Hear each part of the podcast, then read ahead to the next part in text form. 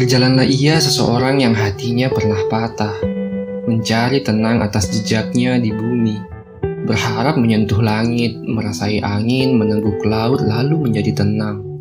Nyatanya, itu hanyalah partikel penumbuh rindu.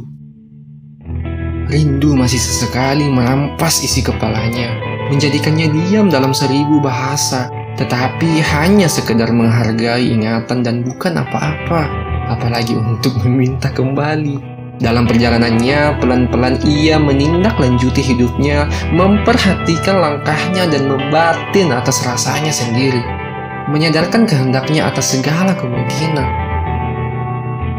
Seperti samudera yang mengungkapkan rasanya dalam bentuk gelombang. Kadang, pantai menjadi teman bermain, tetapi juga kadang menjadi kecaman.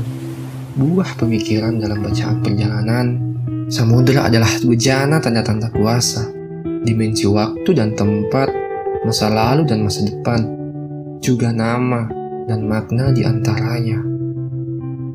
Akan selalu ada nama yang hilang makna.